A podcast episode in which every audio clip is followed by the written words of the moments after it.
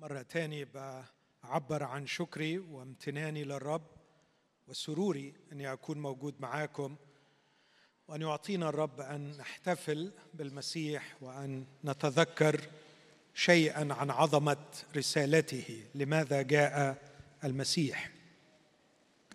في الاجتماع الأول حاولت أقول هو ما جاش علشان إيه؟ وفي كلمتين صغيرين لم يأتي المسيح ليؤسس مملكة ولم يأتي ليؤسس دين. لكن جاء لكي يطلب ويخلص ما قد هلك. جاء من أجلي ومن أجلك ومن أجلك. في هذا الاجتماع هوضح الفكرة دي أكتر شوية. ما جاش علشان مملكة ولا دين. طب جه علشان إيه؟ هحاول أجاوب عن هذا السؤال بعبارة أشرح العبارة دي بعد ما أقولها وبعدين أمشي معاكم في فكرة معينة آه، أسميها فكرة الالتحام اللي بشعر إن إحنا محتاجين نستوعبها ونفهمها وبنعمة الرب تكون بركة لينا.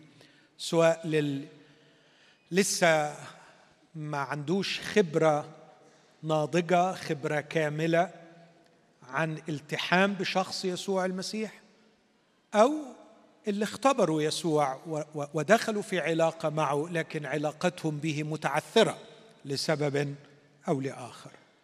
هستاذنكم نقف مع بعض وإحنا بنقرأ جزء صغير من إنجيل يوحنا والأصحاح العاشر. إنجيل يوحنا أصحاح عشرة. أبدأ القراءة من عدد سبعة. فقال لهم يسوع أيضا الحق الحق أقول لكم إني أنا باب الخراف. جميع الذين أتوا قبلي هم سراق ولصوص ولكن الخراف لم تسمع لهم. أنا هو الباب إن دخل بي أحد فيخلص. ويدخل ويخرج ويجد مرعى. السارق لا يأتي إلا ليسرق ويذبح ويهلك. وأما أنا وأما أنا فقد أتيت لتكون لهم حياة وليكون لهم أفضل. ممكن نقول الآية دي مع بعض. وأما أنا فقد أتيت لتكون لهم حياة وليكون لهم أفضل. أنا هو الراعي الصالح والراعي الصالح يبذل نفسه عن الخراف. آمين. هذه هي كلمة الرب. شكرا له. تفضل.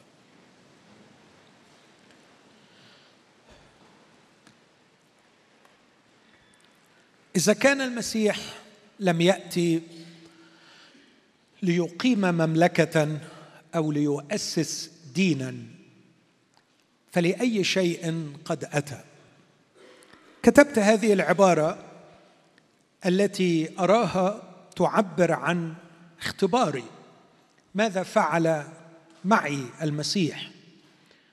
وأيضا أراها تعبر عن اختبار الكثيرين الذين عرفتهم سواء عرفتهم عن قرب وعشرتهم وسمعت قصتهم ورأيت حياتهم ونجاحهم وإثمارهم وحريتهم وتأكدت من صدق اختبارهم في علاقتهم بالمسيح أو قصص هؤلاء الذين قرأت عنهم وتأكدت كيف عمل المسيح في حياتهم. لكن أيضا بحثت عن الأساس الكتابي لما كتبته وأعتقد أنه يتفق مع كلمة الله كما سأوضح. فأنا بلخص الإجابة عن هذا السؤال لماذا جاء المسيح؟ فبقول جاء ليدمجنا في قصة وليصحبنا في رحلة. جاء ليدمجنا في قصة ولكي يصحبنا في رحلة. شكرا. يسترجع لنا فيهما في هذه القصة وفي هذه الرحلة.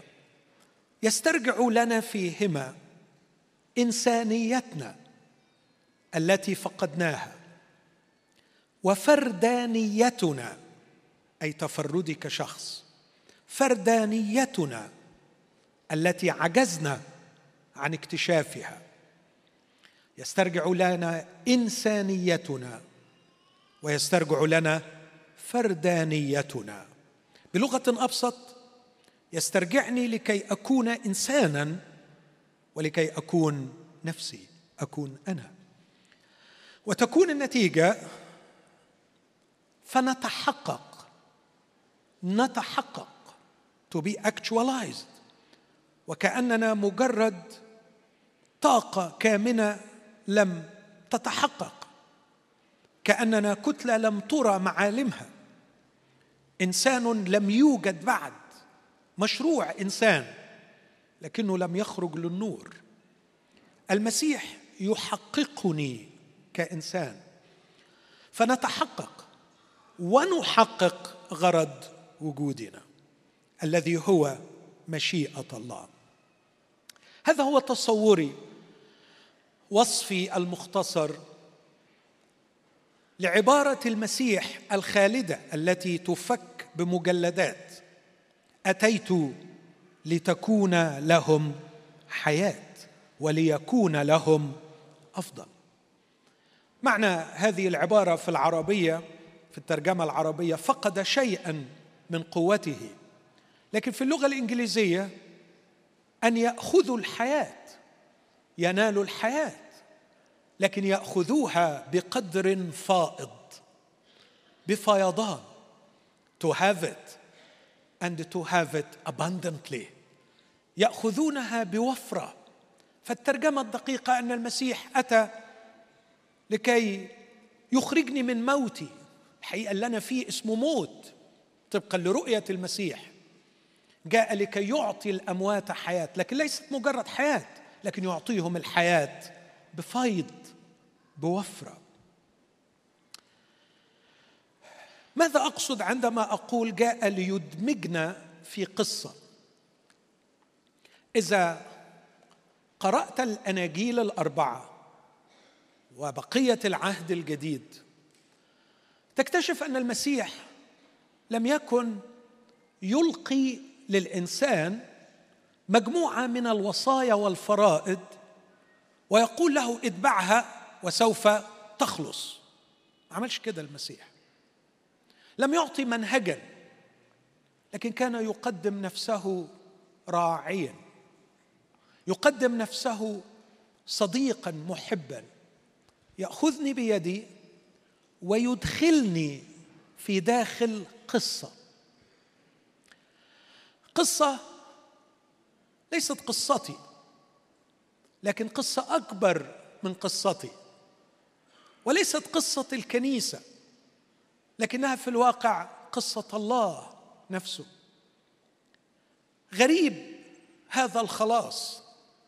مجرد ما أقبل دعوة المسيح ويدخلني في هذه الحياة التي أراها قصة أشعر على الفور بانتمائي العميق لإبراهيم وليوسف ولدانيال.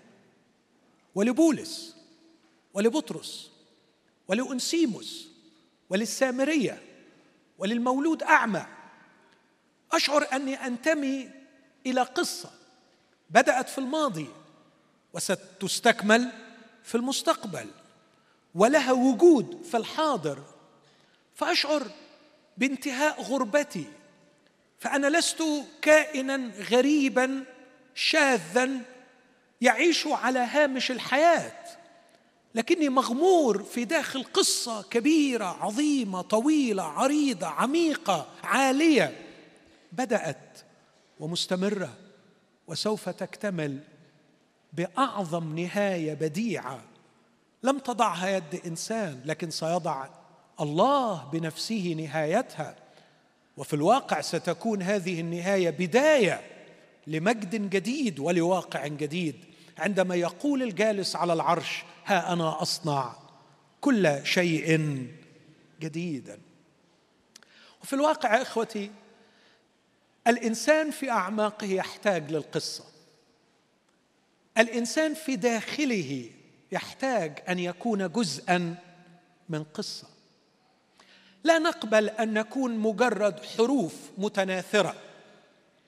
لا نقبل أن نكون مجرد كلمات مبعثرة أو جمل مبعثرة. لا أقبل أن أكون جملة مكتوبة لا علاقة لها بالماضي والحاضر وما حولها. هذا احتياج عميق في داخلنا. ولو تدقق في حياة الإنسان تجد يحاول أن يفهم حياته الشخصية على أنها قصة. ركز معايا في الأمر ده.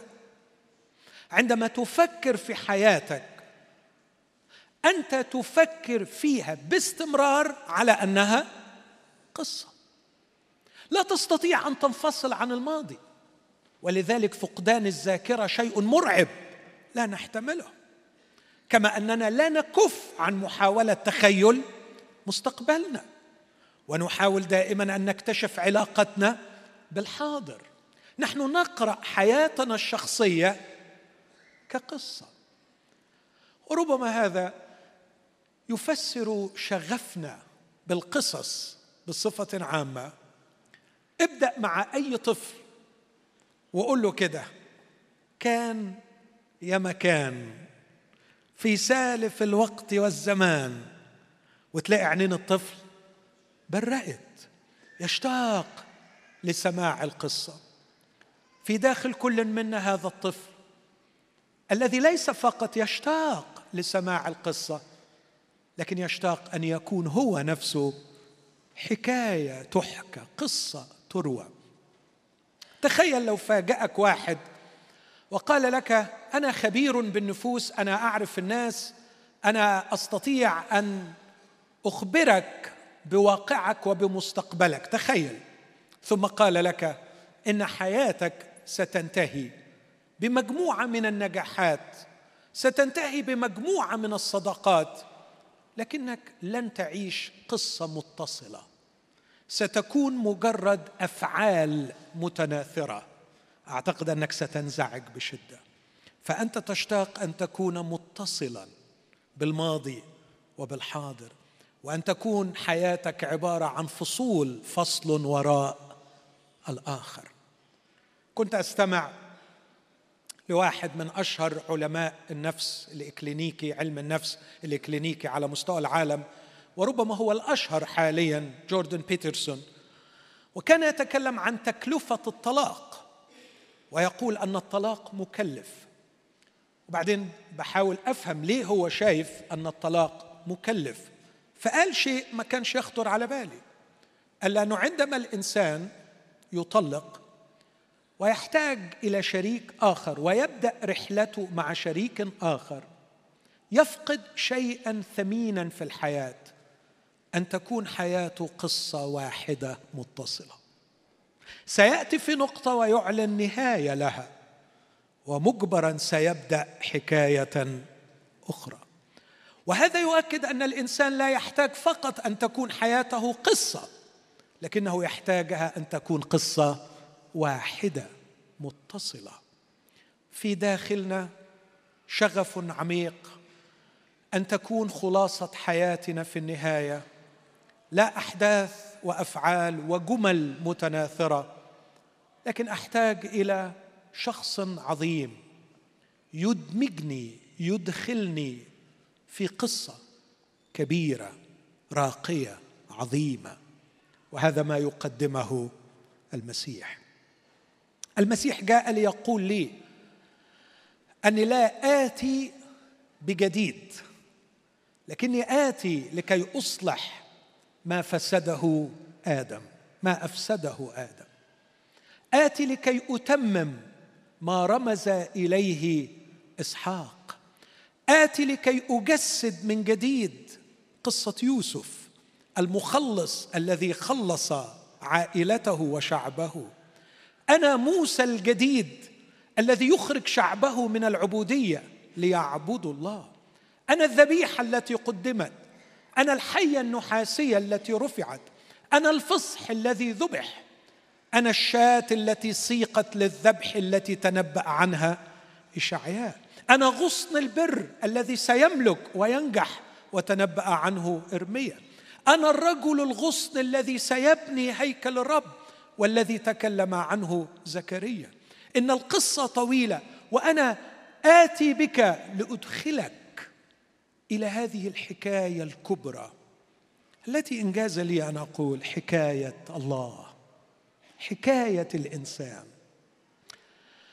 لكن أختم في هذه النقطة وأقول واحدة أيضا من مشاكل الإنسان النفسية واحتياجاته العميقة أنه حتى إذا توفر له أن تكون حياته قصة فهو يظل يحتاج إلى قصة أكبر تعطي لقصته الصغرى معناها وقيمتها. هقول تاني حتى لو صارت قصته قصة حياته قصة لكن قصة فرد قصة صغيرة أقصوصة قال عنها شكسبير إن حياة الإنسان على فم ماكبث. حياة الإنسان أقصوصة لا تصل إلى أن تكون قصة لكن قال كلمه مؤلمة بعديها يرويها أحمق. حكاية بيحكيها واحد أحمق لأنها خبط فوضوي لأنها عشوائية. لكن أعماقنا في الداخل تصرخ أن لا تكون فقط حياتنا عبارة عن قصة لكن أن تكون قصة جزء من قصة أكبر وأعظم. قصة كبيرة تدي حكايتي قيمتها. تأخذ منها قصتي الصغيرة معناها. هذا ما اختبرته. نعم إن حياتي الشخصية قصة. شاب ولد في ظروف مؤلمة تألم كثيرا حطمته ظروف الحياة حطمته الخطية. وجدني المسيح شفاني غيرني أنجحني جعلني شخصا ناجحا مثمرا نافعا لزوجتي وأولادي. لو كانت قصتي هكذا ما أرخصها قصة. لكن قيمة قصتي أنها جزء من عمل الله. وهذا ما يدعوك إليه الرب أن يجعل وجودك في الأرض جزء من قصة أكبر منك. بدأت فصولها في الماضي البعيد. عندما عصى آدم واستقل وستنتهي فصولها في المستقبل القريب عندما يأتي المسيح ثانية.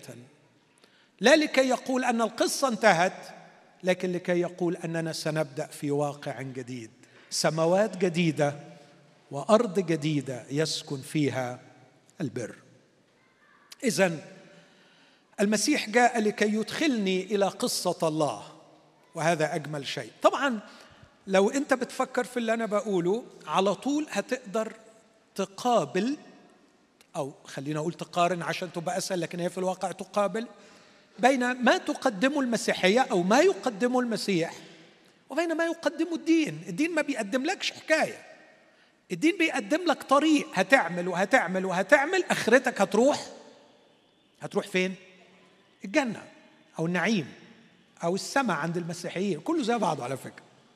كله زي بعضه. حاجة حلوة في الآخر تروحها.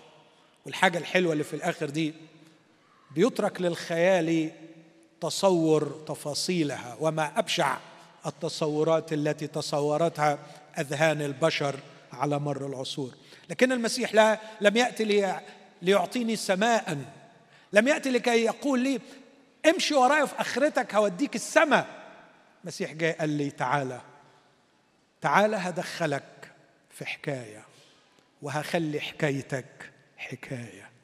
حكاية جميلة صغيرة لكنها جزء من حكاية كبيرة ونبيلة وعظيمة. ستجد في هذه الحكاية كل الأشخاص الذين أحببتهم. قد سبقوك وصاروا جزءا من شخوص هذه الرواية. إبراهيم ودانيال ونحميا ويوسف وبولس وبطرس. تعال لكي أعطيك قصة. لكن الأمر الثاني الذي يؤكد عليه المسيح وأوضحه أنه أتى لكي يأخذنا ويصحبنا في رحلة. في رحله وما أجمل صحبته وما أروع الارتحال معه. كانت أجمل كلمة يقولها وسمعها منه تلاميذه كلمة نتجاهلها لكنها مهمة. اتبعني. فولو مي امشي ورايا. مش تعالى أيها المسكين خد وامشي. يسوع ما دعانيش يقول لي خد وامشي. لكن يسوع قال تعالى اتبعني. اتبعني. أول صفحة في إنجيل يوحنا كان المعمدان الذي يعشق يسوع ويحبه. رأى يسوع ماشيا فأشار إليه وقال هو ده. هو ده أصل الحكاية. ده جوهر الحكاية. اقروا العهد القديم كله هتلاقوه بيدور حوالين حمل سيقدمه الله في وقته. اللي تنبأ عنه إبراهيم عندما قال الله يرى له الخروف الحمل للمحرقة. حنا شافوا قال هو ده هو ذا حمل الله الذي يرفع خطية العالم. تاني يوم شافوه معدي فقال نفس الكلام هو ذا حمل الله. اسمع العبارة دي. كان يقف مع يوحنا المعمدان تلميذان. غالبا هما أندراوس ويوحنا يوحنا الحبيب. أول ما سمعوا يسوع بيقول الكلمة دي فتركه التلميذان وتبعا يسوع. مش وراه. دي أول صفحة في إنجيل يوحنا. وظل يتبعان يسوع. بص الجميل بص القائد الحلو ده. فالتفت يسوع ونظرهما يتبعان. فقال لهما ماذا تطلبان؟ كانوا جاهزين بالجواب الصحيح. ما قالوش محتاجين سماء ما قالوهوش محتاجين نخلص من الجحيم. ما قالوش محتاجين شفاء للجسد أو بركة للبيت. كان طلبهم أسمى وأرقى. ماذا تطلبان قال يا معلم أين تمكث؟ عايزين عنوان. عايزين عنوان. قل لنا. حضرتك ساكن فين? نحن لا نرغب في شيء منك. نحن نرغب فيك. نحن لا نرغب في بيت لكن نريدك أن تكون أنت بيتنا. نحن لا نريد عطايا. نريد صحبة. نريد أن نصحبك وأن تصحبنا. هل تتخذنا تلاميذا لك؟ هذا هو شوقنا. هل تقبل بأن ندخل في علاقة معك ونلتحم بك ونرتبط بك؟ وأتعجب من إجابة المسيح. كان من الممكن أن الرب يسوع يقول لهم هذا هو العنوان. اذهبوا إلى هذا العنوان. لكن يسوع قال لهما تعاليا وانظرا. تعاليا وانظرا. يعني امشوا ورايا. يأخذهم في رحلة إلى حيث يقيم.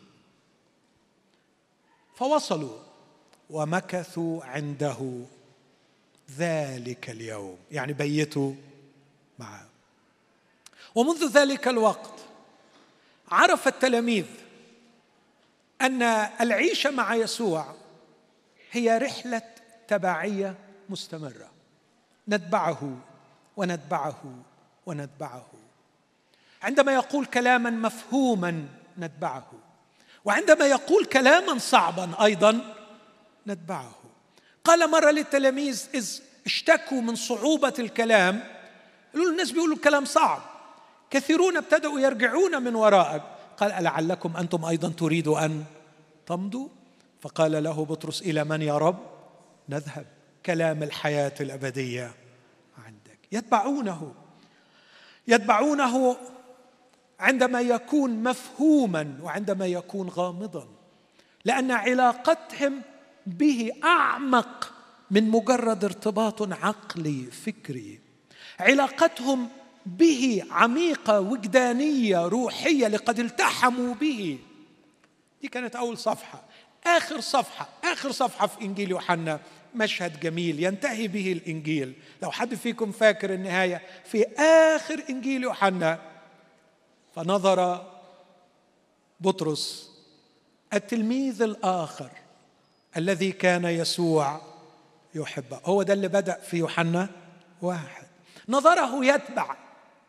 نظره يتبع يسوع. فقال ليسوع وهذا ما له؟ يعني هيموت إزاي؟ لأن كان يسوع لسه قايل له هو هيموت إزاي؟ قال له ستظل تتبعني إلى الصلب. ستظل وستستمر تتبعني إلى أن تصلب من أجل يا بطرس. وستكون عاشقا لهذا الصليب وستفرح به لسبب واحد لشيء واحد أنك عندما تصلب ستكون تتبعني. سأعطيك هذه الشهوة سألبي لك رغبتك بأن تموت مصلوبا من أجلي. قال هذا مشيرا إلى إيه ميته كان مزمعا أن يمجد الله بها. فأراد بطرس أن يعرف نصيب يوحنا فقال له وهذا ما له؟ فقال له يسوع إن كنت أشاء أن يبقى حتى أجيء فماذا لك؟ فاكرين الكلمة اللي بعديها؟ اتبعني أنت. بدأ الإنجيل بأنهم يتبعانه وينتهي الإنجيل بهذه الوصية والنصيحة اتبعني. إخوتي الأحباء إذا أردت أن ألخص المسيحية وهي لا تلخص لكنها محاولة العقل المحدود واللغة المحدودة لوصف غير المحدود أقول عرفته أحببته ولم أزل أتبعه.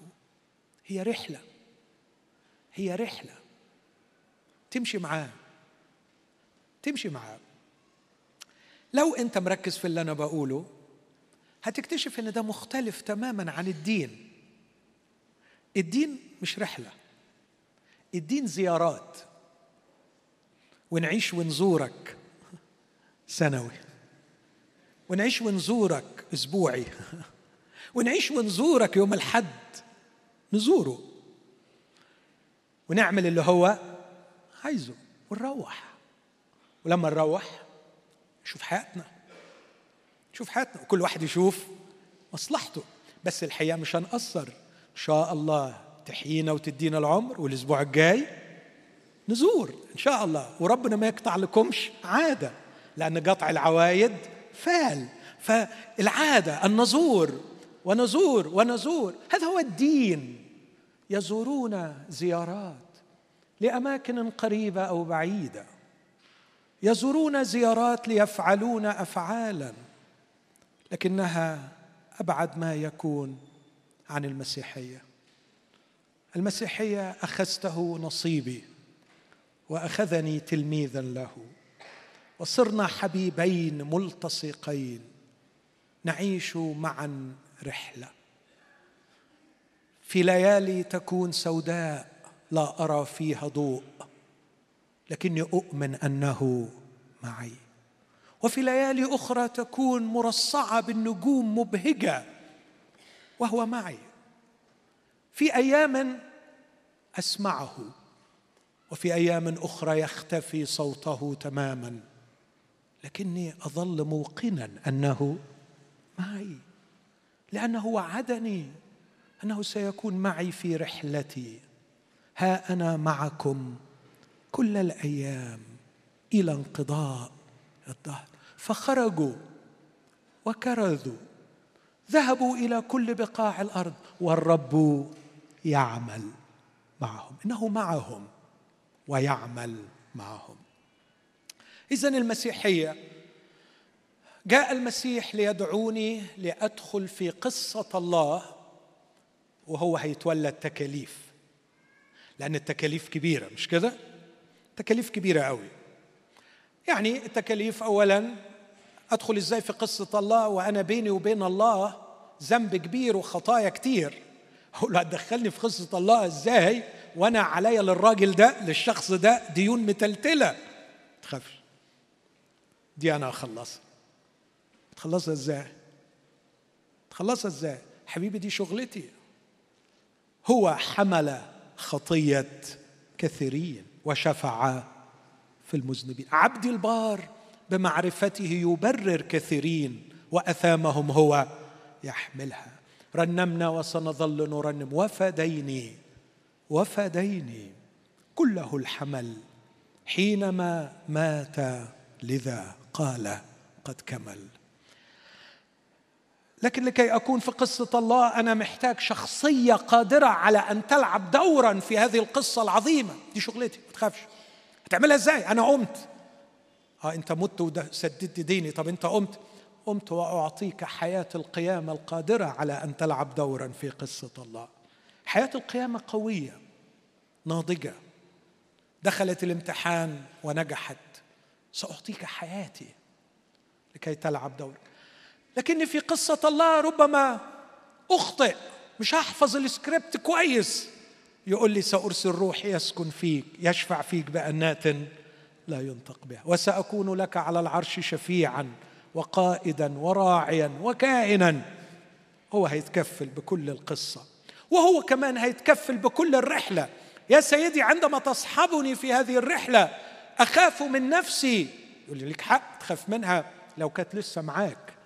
لكن بعد أن وضعت نفسك في يدي أصبحت أنا المسؤول عنها. خرافي تسمع صوتي وأنا أعرفها فتتبعني وأنا أعطيها حياة أبدية ولن تهلك إلى الأبد. أبي الذي أعطاني إياها هو أعظم من الكل. لا يقدر أحد أن يخطف من يد أبي ولا يخطفها من يدي. أنا والآب واحد لقد صرت في يده لا اخشى ذئبا لا اخشى اسدا لا اخشى خطرا لأني صرت في يده. لتأتي الرحلة بأي فصل بأي موقع لتأتي بليل أو بنهار بظلمة أو بضيق إني معه وهو معي. فأغني الترنيمه القديمه أيضا إذا سرت في وادي ظل الموت. لا أخاف شرا لأنك أنت معي معي. إيه اللي هيحصل في القصة وفي الرحلة؟ هتحصل المعجزة الكبيرة. المعجزة اللي بتحل المشكلة اللي حصلت في بداية الحكاية. هي إيه بداية الحكاية؟ بداية الحكاية إنه أبونا آدم وأمنا حواء فقدوا علاقتهم بالله.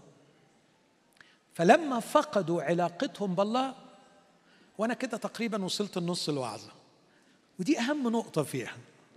لما فقدوا علاقتهم بالله فقدوا إنسانيتهم. ما تنسوش العبارة دي. يعني إيه؟ يعني اللي بقوله ده. نعمل الإنسان على صورتنا كشبهنا. يتعمل على صورته وعلى شبه. اوعى حد فينا يفهم غلط انه راح عامل الانسان ورماه في الدنيا فطلع على صورة الله وعلى شبهه. الله في تصميمه الأصلي أن يتطور الإنسان وأن يصل إلى هذا الحال أن يكون على صورة الله وشبهه عنده كل البوتنشيالز عنده كل الإمكانيات لكن لكي يعيش إنسانيته إنسان بالصورة اللي الله قصدها محتاج يكون كونكتد محتاج يكون متواصل متصل ملتحم بالله. طب وما لو فقد اتصاله بالله؟ سيظل مبدعا مفكرا منتجا. هيعرف يتجوز ويخلف هيعرف يشتغل وياكل بس مش هيعرف يكون إنسان. الناس بره دماغها كويسة شوية. وعشان كده بيفكروا في كل حاجة. وما بياخدوش مسلمات. تعرف الناس اللي بتفكر كويس بره؟ أكتر حوسة محتاسينها النهارده هو يعني إيه إنسان. تخيل. يعني إيه إنسان. لأنه بجد جامدين. أمنا أو بلغتنا في الفلسفة كونسيستنت مع نفسهم متسقين مع ذاتهم. يعني إيه إنسان؟ إحنا ما نعرفش يعني إيه إنسان. ما نعرفش يعني إيه إنسان. أقول لهم ليكوا ألف حق. بجد أحترمكم وأقدركم عندما تقولوا لا نعرف ماذا تعني كلمة إنسان. لو مش مصدقني للأسف لو كتبت بالعربي هتلاقي فتاوي للصبح. لكن ادخل جوجل what does it mean to be human ماذا يعني أن تكون إنسانا؟ وأتحداك أن تجد إجابة شافية قاطعة.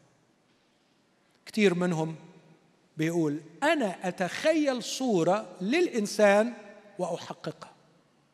لكن ما عندناش تعريف محدد يعني إيه يكون إنسان. نعم ليه ليهم حق في الحيرة دي؟ لأنهم فقدوا الكونكشن فقدوا الارتباط.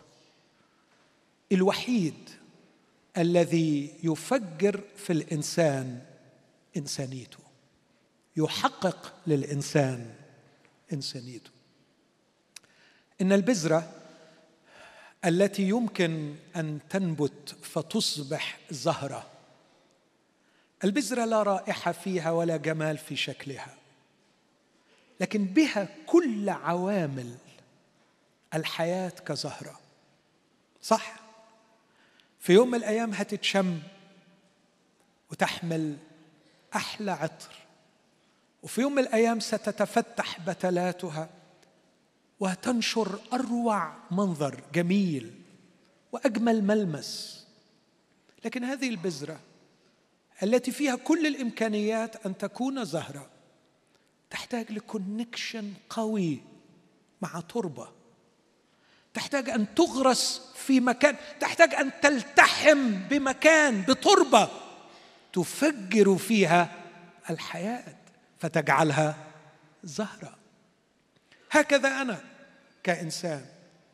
خلقت من الله أحمل كل الإمكانيات لكي أكون إنسانا. لكن مرسوم الخلق الإلهي لا تتفجر إنسانيتي ولا تتطور ولا تظهر معالمها إلا إذا كنت في التحام عميق مع إلهي. هذا ما فقدناه بالسقوط. عندما يأخذني المسيح ويدمجني في القصة أول حركة هيعملها يروح موصلني ويلحم الأسلاك ويعمل لي اتصال يوصلني بمين؟ بالله لكن يوصلني كمان بأخي الإنسان ويوصلني بنفسي ويوصلني بالطبيعة ويوصلني بجسمي. يا أكيد واحد ذكي دلوقتي يقول يعني أنت عايز تقول لي إن أنا لما انفصلت عن الله أنا اتفككت واتفركشت للدرجة دي؟ يعني بقيت منفصل عن نفسي؟ آه. ومنفصل عن جسدي؟ آه. يعني ممكن أحكي لكم حكايات بالكوم عن ناس كارهين جسمهم ومش طايقينه وجسمهم عدوهم ومفيش أي تصالح بينه وبين جسمه. فقدنا اتصالنا بأجسامنا فقدنا اتصالنا بنفوسنا فقدنا اتصالنا بالطبيعة من حولنا وعشان كده كارهين أشغالنا. نادرا ما لقيت حد بيحب شغله ما عدا أنا. كارهين شغلنا لأنه فقدنا اتصالنا بالطبيعة. وفقدنا اتصالنا بالآخرين. عندما أخذني المخلص وادخلني في القصة أعاد لي اتصالي بالله وصلني بنفسي وصلني بجسدي وصلني بالآخر وصلني بالعمل وصلني بالطبيعة وصلني بالناس. ففوجئت إن في حاجة جوايا كده عمالة تطلع لي. مش سنة بتطلع لي. ولا يعني حاجة كده حلوة بتطلع لي لا ابتدى تطلع إنسانيتي. بدأت أكون إنسان. بدأت أكون إنسان. فإنسانيتي تتحقق. وفي الحالة دي أصبح قادر على إنجاز غرض راقي.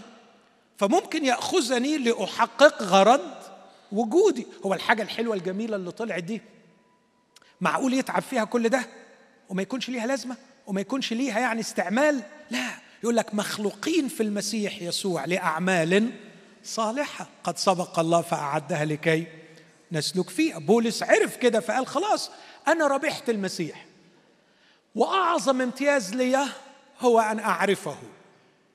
يقول هذه الكلمات الرائعة من أجل فضل معرفة المسيح يسوع ربي الذي من اجله خسرت كل الأشياء وأنا أحسبها نفاية لكي أربح المسيح وأوجد فيه وفي حكايته وفي حياته. لكن بعد كده يقول أسعى نحو الغرض. قد عمل معجزته في بعد أن أدخلني في قصته وصحبني في رحلته وفجر إنسانيتي فجعلني كائنا نافعا مفيدا. حتى ولو كنت في ماضية كأنسيموس. فاكرين أنسيموس؟ عبد مدمر حرامي هربان شخص كده ملوش أي لازمة في المجتمع. فاكرين بولس كتب عنه إيه لفيليمون؟ كان قبلا غير نافع. أما الآن فهو نافع. ليه؟ ولك ده بقي خادم الرب. بقي خادم الرب أنسيم أتحقق وأحقق غرض وجودي. الرحلة الجميلة دي أو القصة الجميلة دي علشان تدخلها محتاج الآتي. حد عايز العرض ده؟ في حد عايز العرض ده؟ أشوف آدي مرفوعة بجد؟ ولا عايزين السما برضه؟ يا عمي أنا أصل حكاية الجحيم دي بتخوفني بالليل وأنا بخاف من الحكاية دي. فأنا عايز يسوع المتفصل على إنه تقبل يسوع ما تروحش النار. ما أرخصه إنجيل. ما أتفهه إنجيل. اقبل يسوع عشان ما تروحش. وفين الإنجيل في الموضوع؟ على فكرة ده الخبر اللي كتير من الديانات بتبلغه. كلها مصممة عشان تقول للناس اعمل واعمل واعمل مش هتروح النار إحنا بس رخصنا السعر فخليناها اقبل يسوع ما تروحش النار وفي غيرنا جوه المسيحية بيزود السعر الحقيقة بيقول لك لا ده انت تقعد تفلق في روحك وتعمل وتعمل وتعمل وفي الآخر انت ونصيبك يعني. وتيجي بقى الأسئلة السخيفة طب وأنا لو غلطت وأنا مش عارف إيه ولو جه المسيح ولو مت لو حصل وأنا؟ لأنه الإنجيل الذي كرز به إنجيل رخيص إنجيل النجاة من الجحيم. لكن الإنجيل الحقيقي الذي يقدمه المسيح هو إنجيل الخلاص خلاص النفس.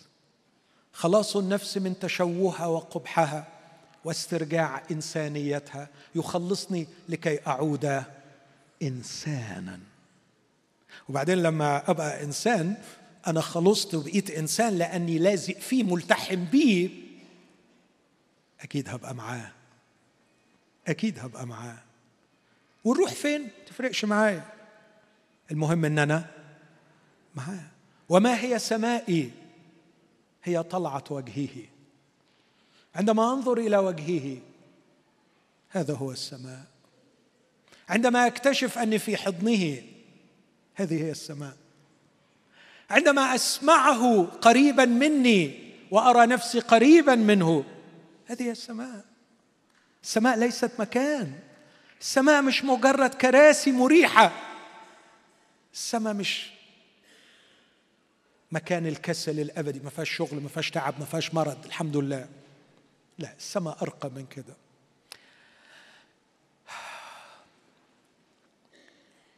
لو انت فعلا الكلام اللي أنا قلته ده يشدك تشتاق عليه. لو انت مهتم بحياتك وعايزها تبقى ليها معنى وقيمة أكيد بعد ما سمعت تقول طب أنا أعمل إيه بقى؟ أعمل إيه علشان يسوع يدخلني في قصته ويصحبني في رحلته؟ هقول لك على بعض الحاجات. الحاجة الأولانية إنك تشعر وتقر بالتفكك الداخلي. تبقى حاسس إن جواك حاجة مفكوكة. معرفش دي يعني أوصلها لك بلغتك إزاي. هحاول. حاسس إن في حاجة خربانة من جوه. حاسس إن في حاجة بايظة.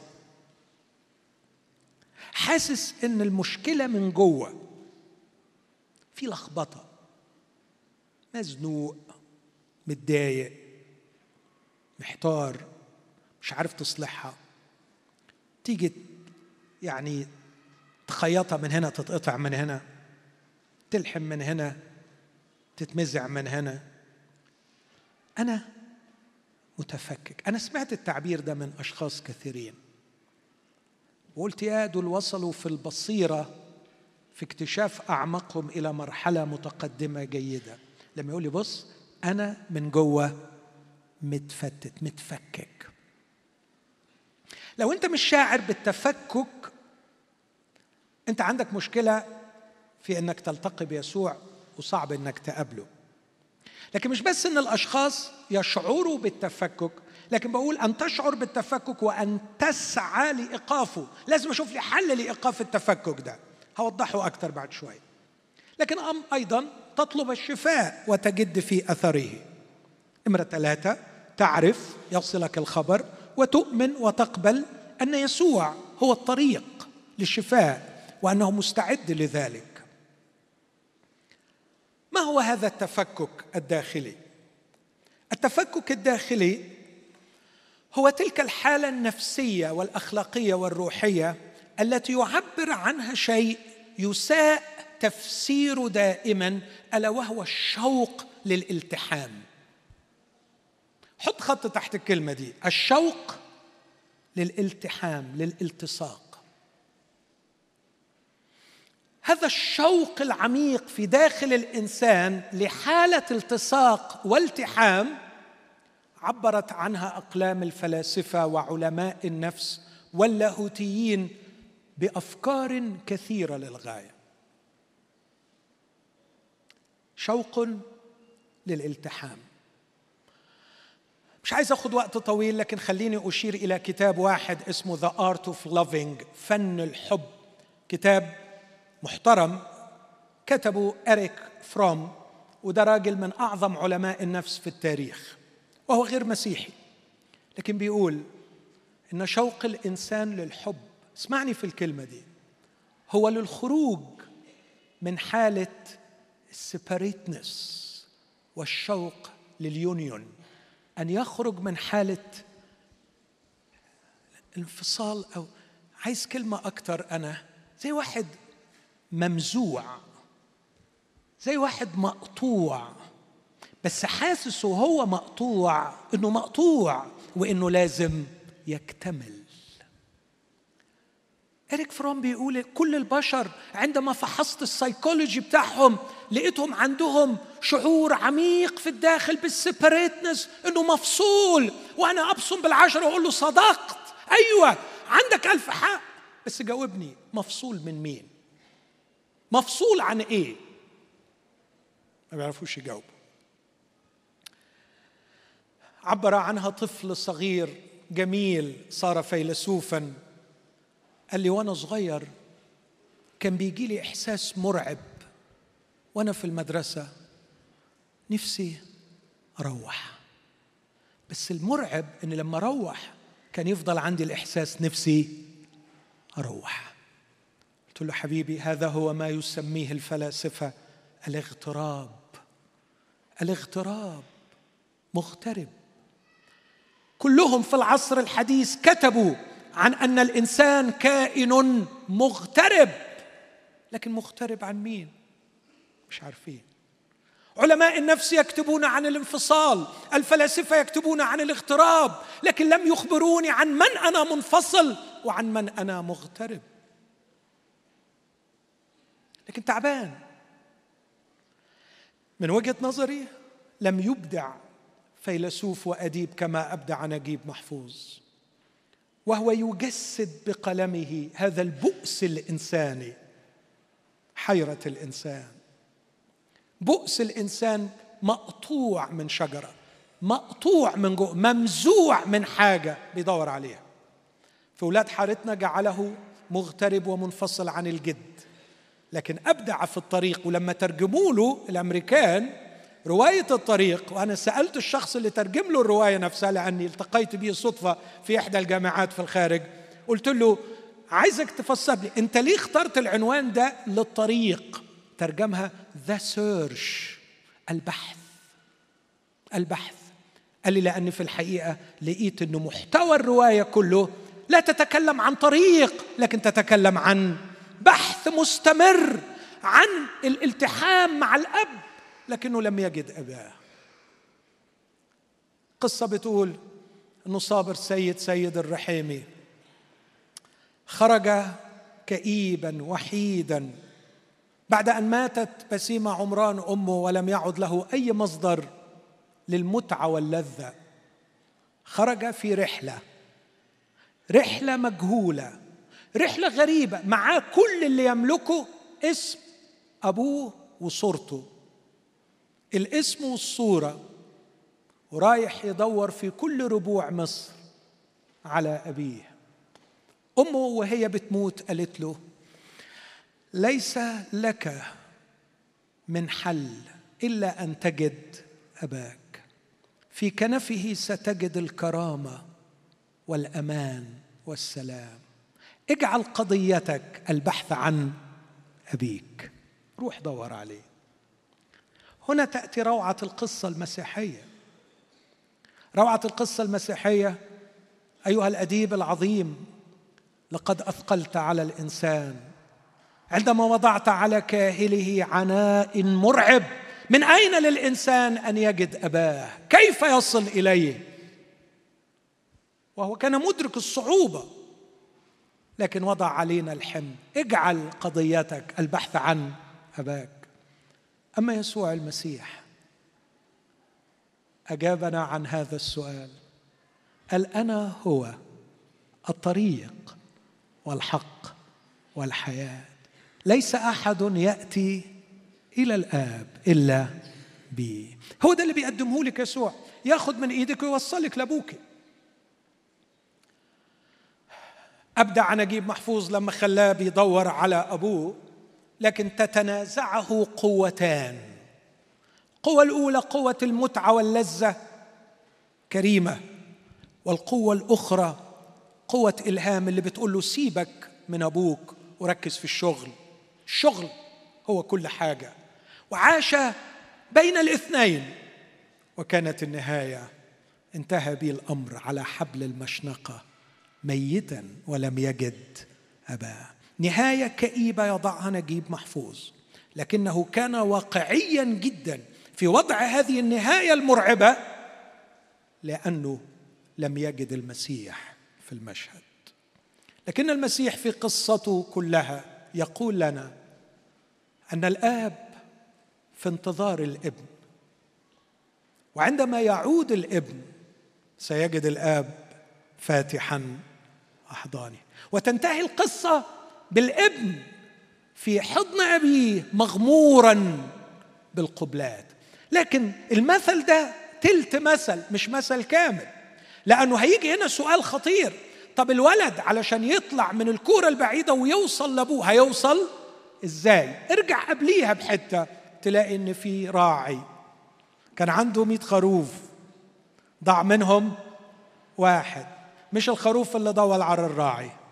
خرج الراعي يبحث عن الخروف حتى وجده. إنه مثل واحد من ثلاثة أجزاء. عمل الإبن كالراعي عمل الروح القدس في المرأة وهي تنير بالمصباح وعمل الأب. إن الإبن والروح القدس يرجعون الإبن لحضن أبيه. لقد صرنا مفككين. لكن انفصالنا عن الله فصلنا عن أخينا الإنسان. وفصلنا عن أنفسنا فلم نعد نعرف ملامحها. هي جواك بس أنت بتعرف شكلها.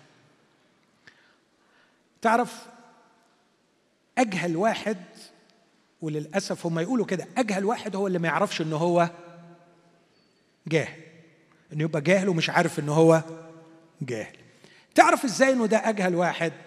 كلمة بسيطة يقول لك بص أنا عارف نفسي. على طول بقى خلاص ده كده ختم على نفسه ان هو جاهل.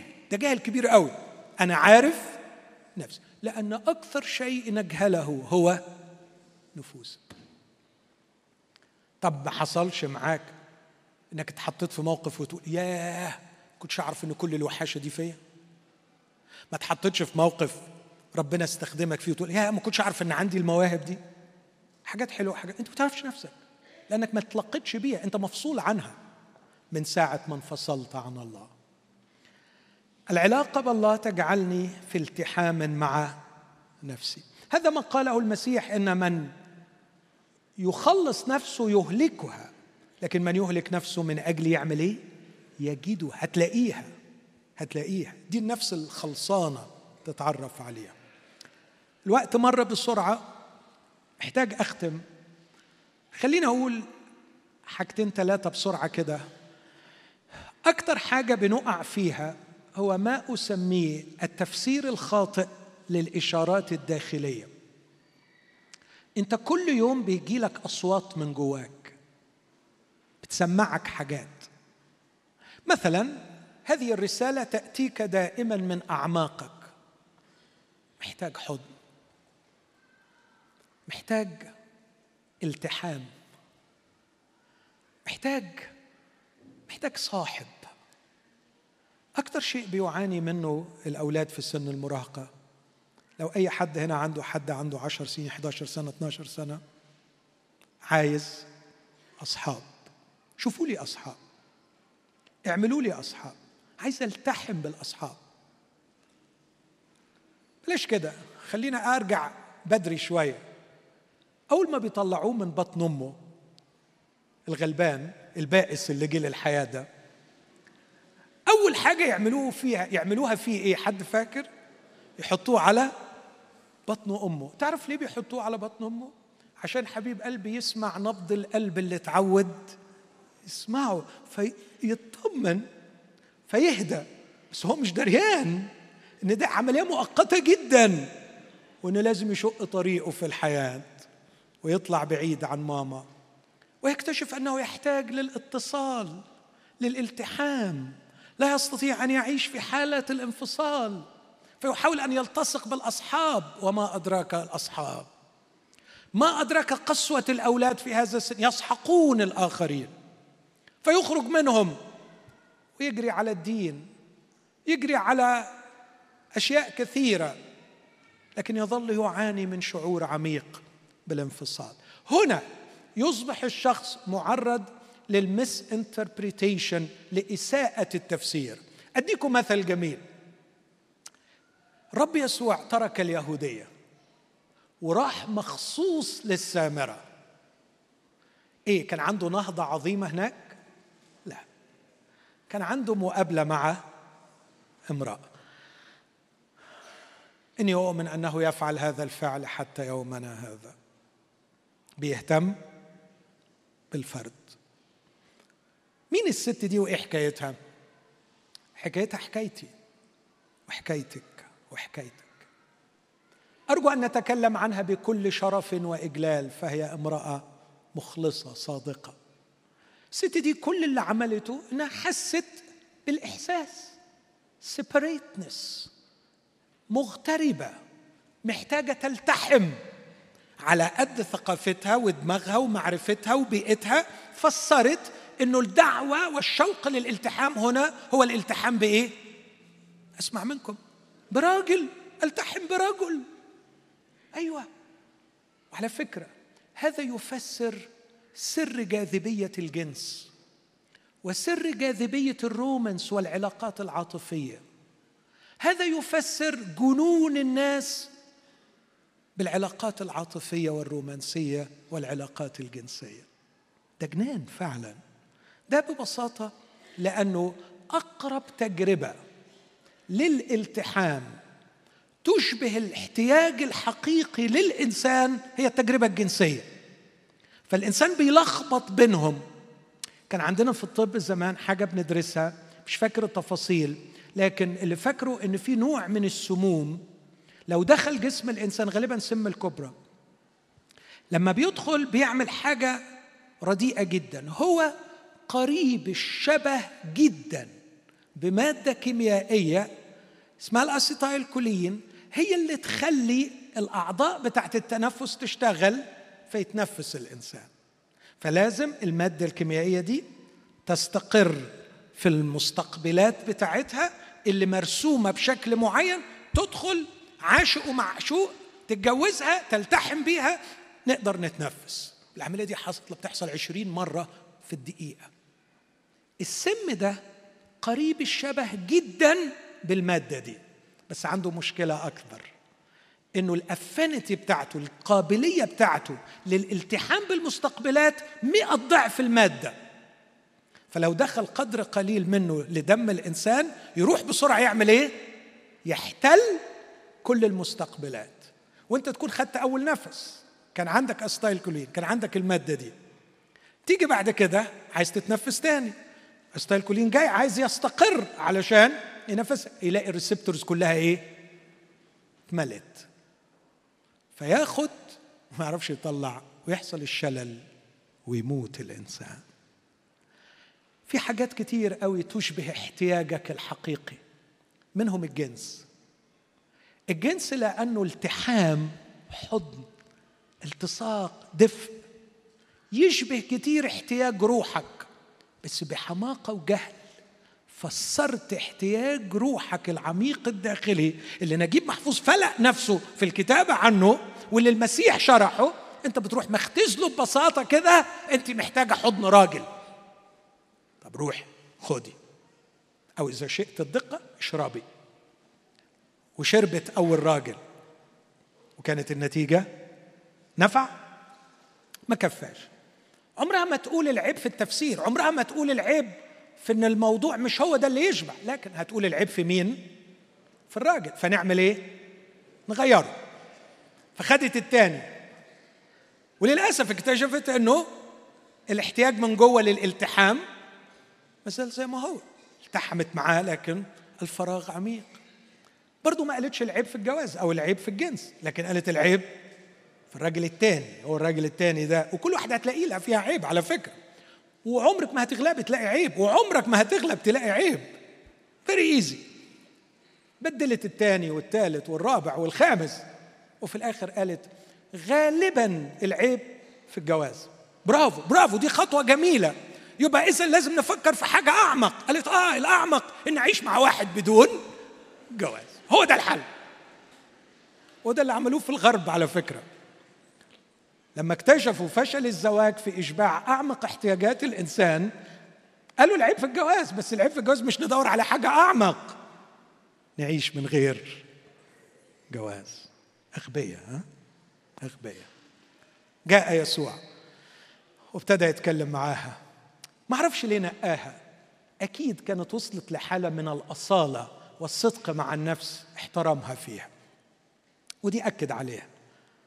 قال لها أعطيني لأشرب. كيف تطلب مني لتشرب وأنت رجل يهودي وأنا امرأة سامرية؟ اليهود لا يعاملون السامريين.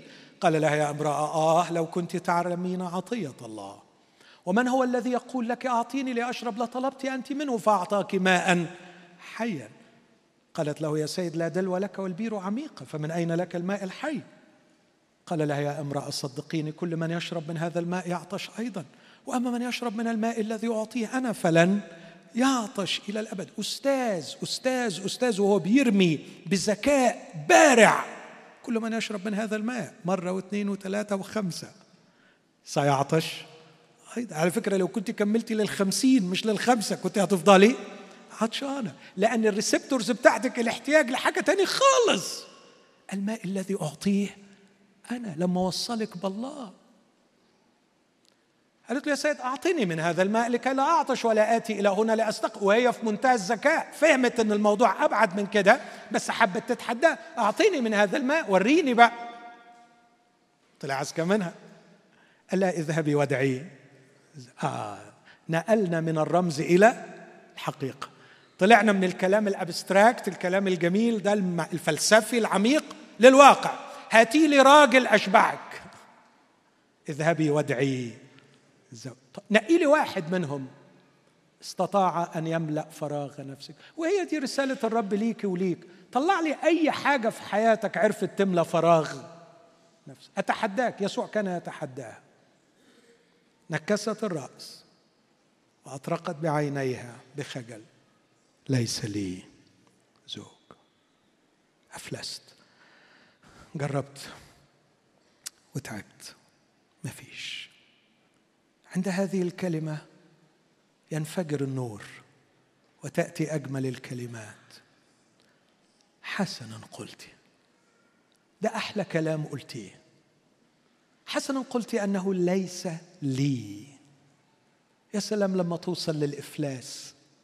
ليس لي زوج. حسنا قلت لأنه كان لك خمسة أزواج والذي معك الآن ليس هو زوجك. هذا بالصدق قلت لقد وصلت إلى أجمل شيء يمكن أن يصل إليه الإنسان الأوثنتسيتي أن تكوني صادقة. كفاية بقى زيف كفاية خداع كفاية رياء كفاية كلام.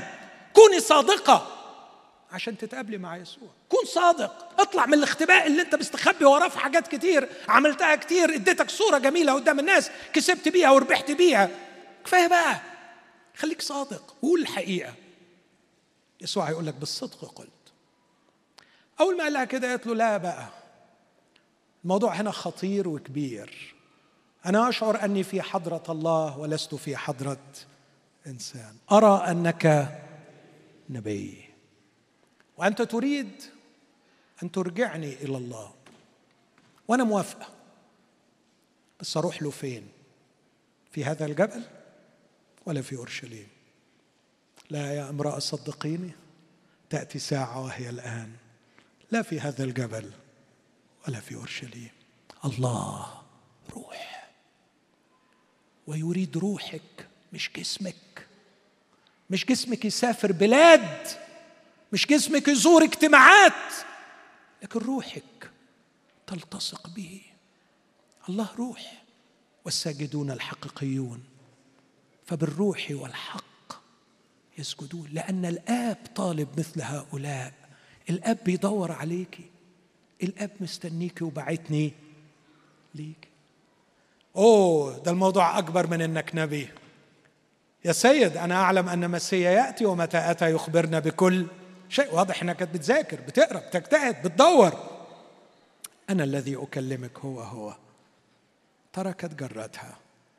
وتصالحت مع نفسها. وعندها استعداد تقول للناس اللي هي كانت فيه. وتصالحت مع مجتمعها اللي كانت هربانة منه وطالعة في وقت الظهر اللي ما حدش يطلع فيه. تصالحت مع جسمها الذي كرهته وبذلته لكل مغتصب وعابر طريق. تصالحت وقالت للناس هلم انظروا انسانا؟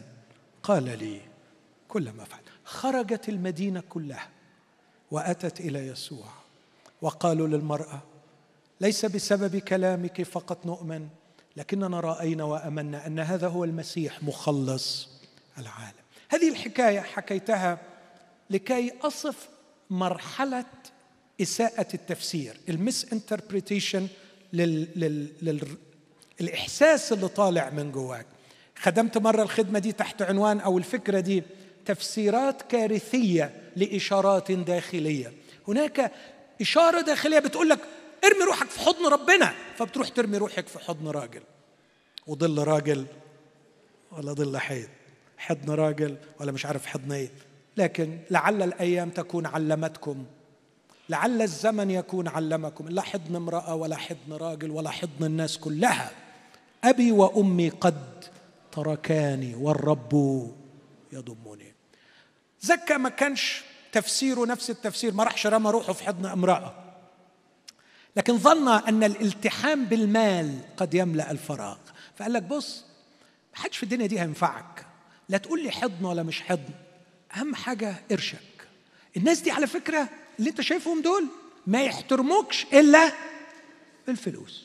وبعدين أتخن شنب فيهم تجيبه بالفلوس. بس بين البواكي كل حاجة تتحل. ناس رخيصة وبتتعامل مع ناس رخيصة اللي بتفكر بالطريقة دي. في ناس تشعر بالخوف والانفصال فتلتحم بالمال. لعل المال يشبع الفراغ. في ناس بقى لا جنس ولا مال لكن الحاجة الثالثة الخطيرة الدين. يغرقوا في الدين. وكل طبقا لعائلته وثقافته. ياخذ من العيلة ومن الثقافة مجموعة من الممارسات من المنظومة الدينية ويملأ ويملأ ويملأ. لعله يكتمل ويظل الفراغ عميقا في الداخل. حتى تلتقي النفس بيسوع. فتلتحم. التحم بالله. والتحم بالآخر. والتحم بنفسي. والتحم بجسدي. والتحم بعملي. آدم عندما أسقط عندما سقط فصل عن الله. أين أنت؟ سمعت صوتك في الجنة فخشيت لأني عريان فاختبأ. وانفصل عن شريكة حياته جسده. فقال المرأة التي جعلتها معي. لاحظ هو قبلها بشوية كان بيقول دي عظم من؟ عظمي ولحم لحمي وإحنا الاثنين واحد. ما عادتش واحد بقيت معايا. وانفصل عن نفسه لم يعد يعرف نفسه وأصبح خجلانا من نفسه. أنا عريان فاختبأت. في خصام بينه وبين نفسه ورؤيته لنفسه. ومنفصل عن جسده.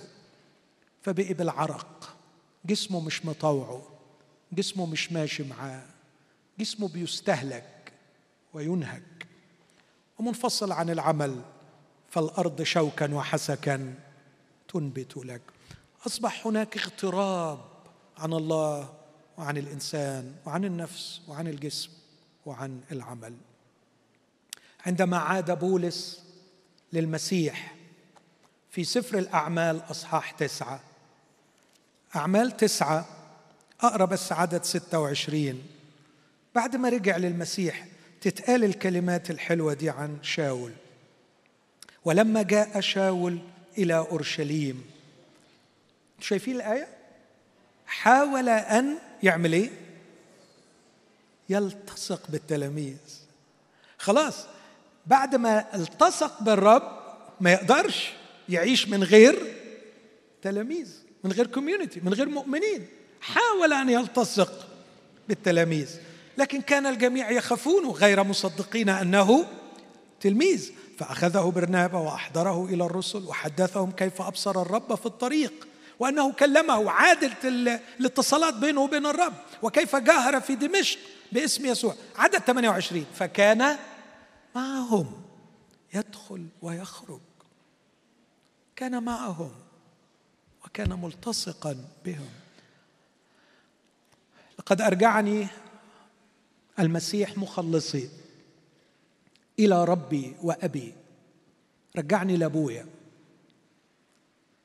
ولقيت قيمتي فيه. سمعت أبويا بيقول ابني هذا. من ساعتها بتدلع عليه. من ساعتها بقول له إن خسرت كل الألقاب ولم يبق لي أي شيء من متاع الدنيا هناك شيء لا يمكن أن أخسره أني ابنك.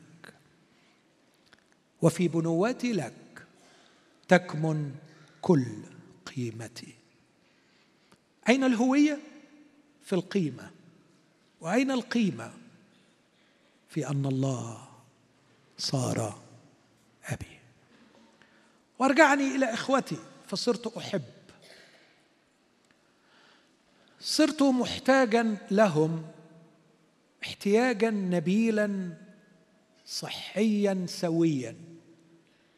ليس احتياج المرضى. الذين يعتمدون على الآخرين ليعوضوا خبرة الانفصال ويحتاجون للآخرين ليجدوا الالتحام. لقد صرت ملتصقا بهم كنتيجة طبيعية لالتصاقي بالله.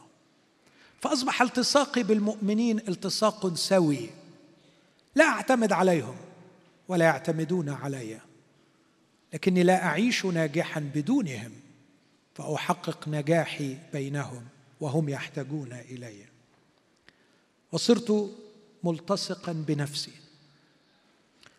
أرى عيوبها وأرى عمل نعمة الله فيها. لقد أصبحنا نلتقي سويا أنا وهي نفسي كلما دخلت إلى محضر الله. فأول شخص يقابلني عندما أدخل إلى محضر الله هو أنا. أول من أراه عندما أدخل إلى محضر الله هو أنا. فصرت ألتقي به كثيرا. وصرت أكتشف عيوبه وأطلب من الله علاجها. وصرت أحبه وأخاف عليه بعد أن كنت اجهله ولا اعرفه وتعلمت الدرس أني بعيدا عن نور حضرة الله لا يمكن أن أعرف نفسي. المكان الوحيد الذي فيه أرى نفسي هو في محضر الله. وصرت أحب جسدي فأقتنيه بكرامة وأخاف عليه. لا أتركه لرغباتي الجنسية ولا أتركه لرغبات الطعام. صرت أقدسه وأكرسه لأني أعلم أنه هيكل لروح الله. لقد صالحني على جسمي. لم يعد جسدي بنك الطاقة لإشباع الشهوات لكن أصبح بنك الطاقة لإتمام مشيئة الله. وصرت أحب عملي. لقد صالحني مع العمل. أي مجال للعمل؟ لأني لا أذهب لعملي قط بدونه. تعلمت أن العمل هو مشيئة الله وأنه خدمة الله. فأنا أفعل مشيئة الله في العمل وأخدم الله في العمل. سواء كان العمل هندسة طب تصليح أبواب تصليح حنفيات أو تنظيف بيوت حتى تنظيف البيوت. قال الرب للعبيد عاملين مشيئة الله من القلب لا بخدمة العين كمن يرضي الناس بل خادمين الرب بنية صالحة. هذا ما جاء المسيح لأجله. تقبل؟ تقبلي؟ ياخدك يحطك في القصة ويصحبك في الرحلة ويصالحك ويلحمك ويلمك ويجمعك. ده إذا كنت شاعر إنك متفكك. المسيح فعل ويفعل هذا. تعال يا ندرة خلينا نكلمه. خلونا نقف مع بعض مع ندرة وإخواتنا. خلونا ناخد دقايق.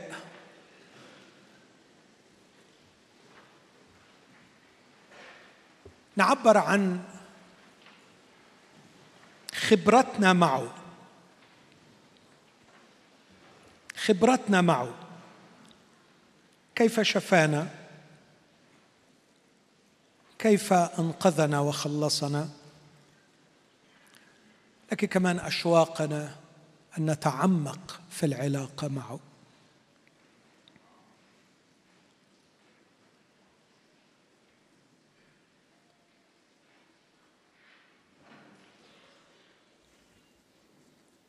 ارفع قلبك ليه وقول له أنا محتاج لمسة. محتاج لمسة تلمني وتصالحني وتجمعني. أنا متفكك وعايز شفاء بس متأكد إن لمسة روحك ولمسة إيدك ليا تشفيني. متأكد أنك تقدر ترويني تربطني بالله. فأشرب من الماء. الذي من يشرب منه لن يعطش أبدا. أنا برجوكم الوقت ده نتكلم مع الرب. كلمي الرب. أنا محتاج لمسة روحك. محتاج هذا الشفاء هذا الارتواء.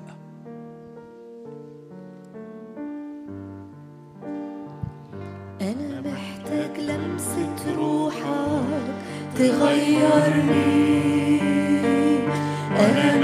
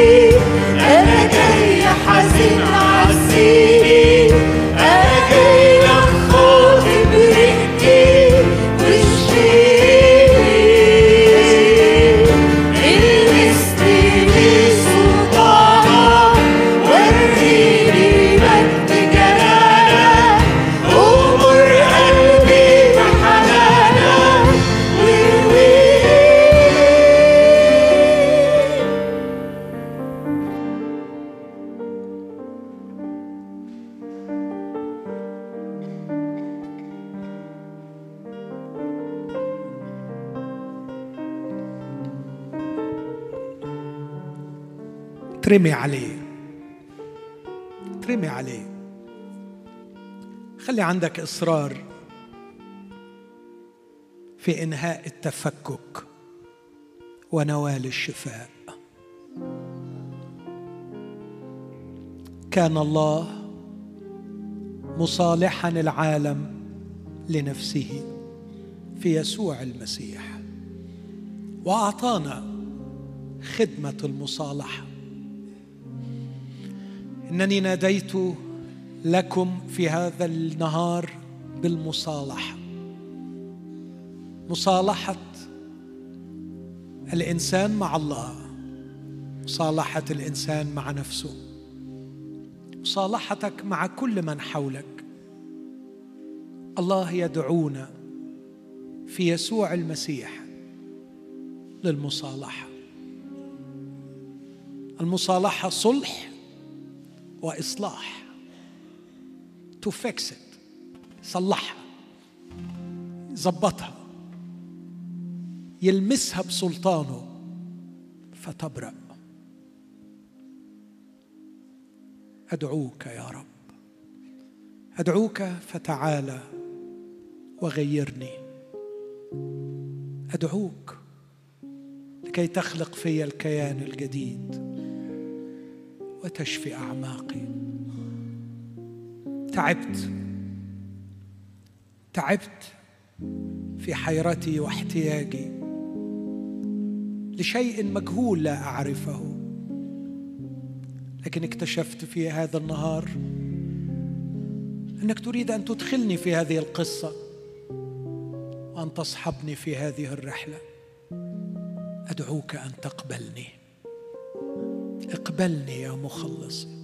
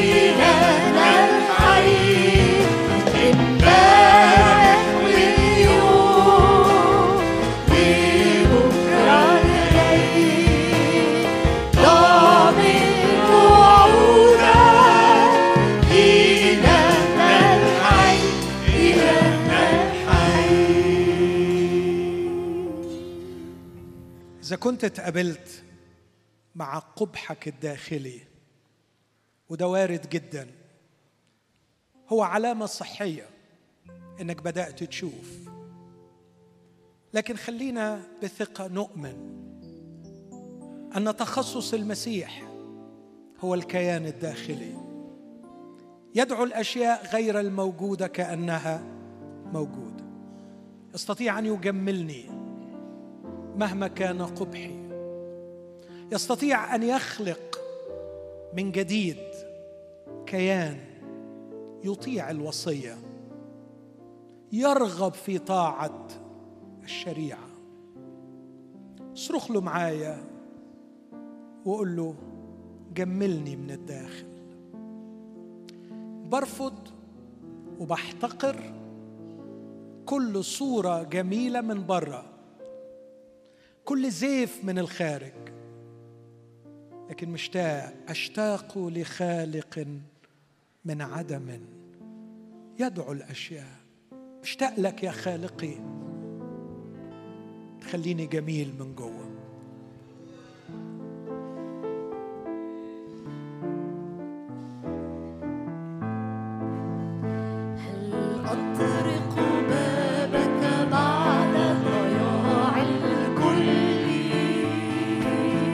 نعم يمكن. ويصلح أن أقترب إليك بذلي نعم نعم نعم. ضيعت أنا فرحتي مني سامحني اغفر لي.